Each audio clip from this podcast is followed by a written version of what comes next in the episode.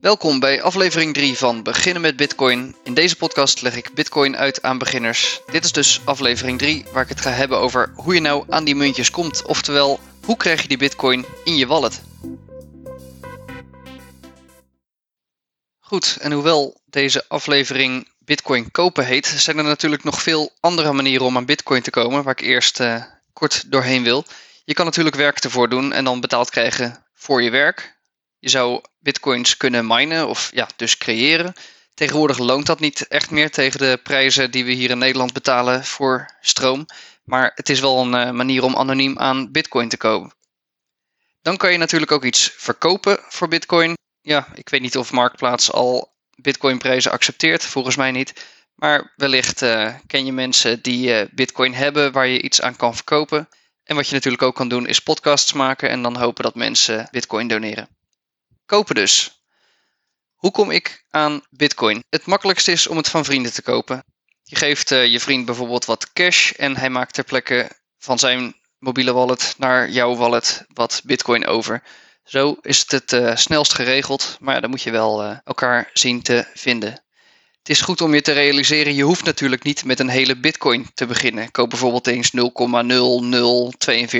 Bitcoin. Dan zijn er sites zoals localbitcoins.com om uh, mensen te vinden om uh, bitcoin van te kopen. En ja, het is eigenlijk een soort uh, marktplaats. Dus iemand die biedt wat aan. En je kan dan iemand vinden die ja, bitcoin koopt of verkoopt. Nou goed, dat waren een aantal makkelijke en minder makkelijkere manieren om aan bitcoin te komen. Maar als je nou het snelst het wil regelen, dan zijn er grofweg twee manieren om dat te doen in Nederland twee soorten sites om het te kopen. Het eerste type is een simpele ja, on-the-spot site, noem ik het maar, waar je een simpele ideal betaling doet en dan bitcoin krijgt. En de tweede optie is een exchange. Dus laten we daar eens even doorheen gaan. Dus die eerste optie, zo'n spot site. Persoonlijk heb ik vooral ervaring met bitonic.nl. Die uh, ja, hebben het voor mij altijd uh, goed gedaan ja, je gaat gewoon naar bitonic.nl of naar zo'n ander soort site. Er zijn er meer. Ik heb alleen besloten om vooral aan te raden wat ik zelf ken. Um, nou goed, je gaat dus naar de site. Eerst zal je willen bepalen hoeveel geld je wil uitgeven, hoeveel euro je wil betalen. En dan vertellen zij je met de omrekenkoersen. En dan vertellen zij je hoeveel bitcoin je daarvoor krijgt. Je moet natuurlijk nooit meer uitgeven dan je bereid bent te verliezen. Want zeker als je begint, dan zou je wel eens wat uh, fout kunnen doen. Als je nou onzeker bent, kom dan in de Telegram-groep en dan uh, helpen we je daarbij. Goed, je bepaalt dus eerst hoeveel bitcoin je wil hebben. Oftewel hoeveel euro je wil uitgeven.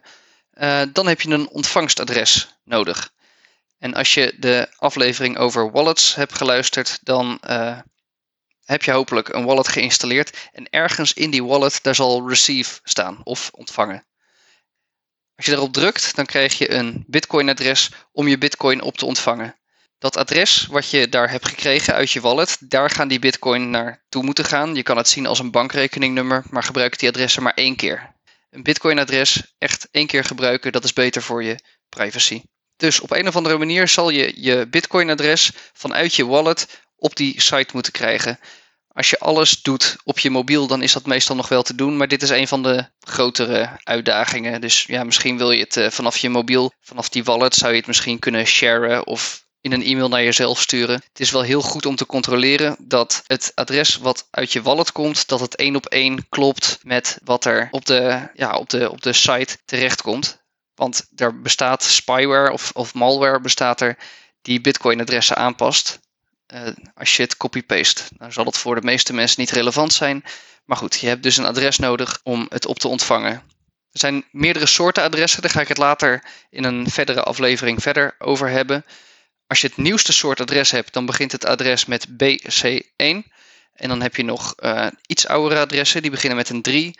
En de alleroudste adressen die beginnen met een 1. Goed, je hebt je bedrag ingevuld, je hebt je ontvangstadres ingevuld. Dan uh, druk je op oké en dan ga je een ideal transactie doen. Wat soms nog wel moet, is dat je je moet identificeren. Nou weet ik niet wat de huidige regels zijn, maar sites in Europa die zullen zich aan wetgeving moeten houden. En dat, ja, dat noemen we ook wel KYC, Know Your Customer. En daarachter zitten weer een hele hoop wetten die die bedrijven vertellen hoe ze uh, zaken moeten doen. Vanaf 18 mei is het voor ik weet in ieder geval voor Bitonic is het dan uh, verplicht om een identiteitsbewijs te gebruiken. Dat is 18 mei 2020. Dus dat betekent dat je je identiteitsbewijs moet sturen. Je moet ook je e-mail en telefoonnummer opgeven. En dat is best wel uh, zonde, want vroeger was het een stuk makkelijker. Nou, als je dit allemaal hebt gedaan en je hebt je ideal doorlopen en geïdentificeerd, dan krijg je die bitcoin Meestal krijg je een e-mailtje wanneer het onderweg is naar jou. En dan krijg je een transactie-ID. En dat zou je dan ergens kunnen opzoeken. Hoe dat zit met transacties, daar kom ik ook later op terug. Ja, wat ik dus zeg, uh, dit heb ik vroeger dus gedaan bij Bitonic. Dat is de enige dus ook die ik kan aanraden. Maar er zijn, er, uh, er zijn meer goede sites. Dat was optie 1. En de tweede optie is het gebruiken van een exchange.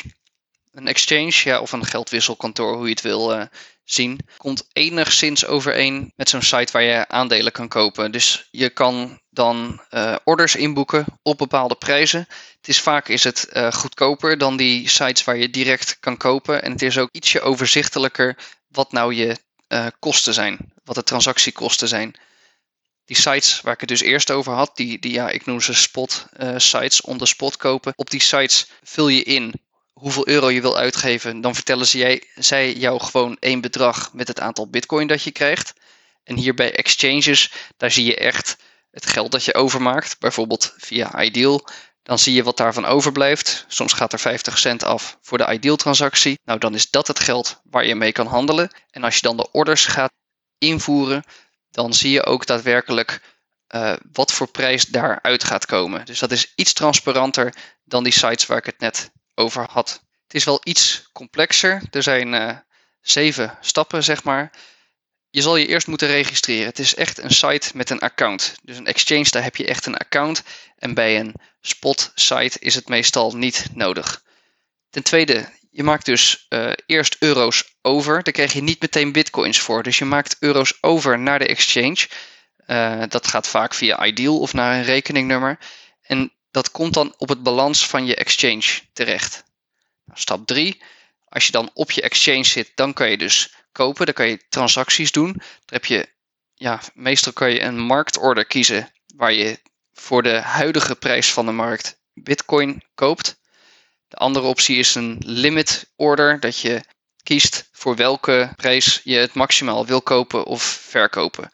Nou zijn er nog verschillende andere soorten orders, stop en trailing stop en weet ik wat voor orders allemaal. Niet alle exchanges ondersteunen die en daar moet je ook best wel even op induiken om te kijken hoe dat allemaal werkt. Goed, als je dus die orders hebt gedaan en die orders zijn uitgevoerd, dan krijg je je bitcoins of dan, ja, dan zijn die verhandeld en dan staan die op de exchange, op het balans van de exchange. Dus waar je eerst een eurobalans had, heb je dan nu een bitcoin balans dit kan je dus zien als een soort online wallet. Je kan ze daar laten staan en dan, uh, ja, dan staan ze daar.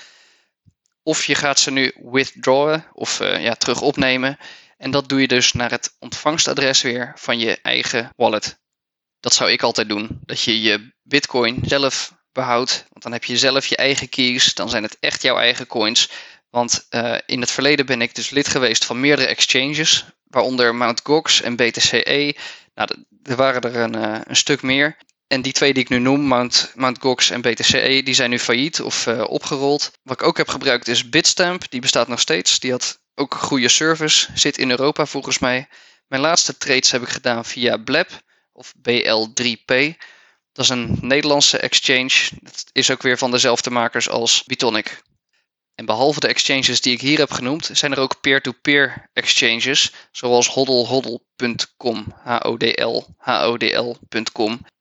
Daar komt niet per se een centrale partij aan te pas, maar daar koop je echt direct van andere gebruikers. Dat zijn in grote lijnen hoe je aan Bitcoin kan komen.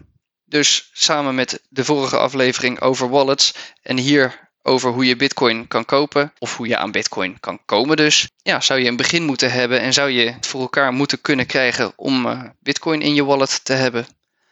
Wat ik wel zou zeggen, doe altijd zelf onderzoek. Bitcoin komt gewoon met heel veel verantwoordelijkheden. Je bent je eigen bank, dus je zorgt ook zelf voor jouw uh, Bitcoin.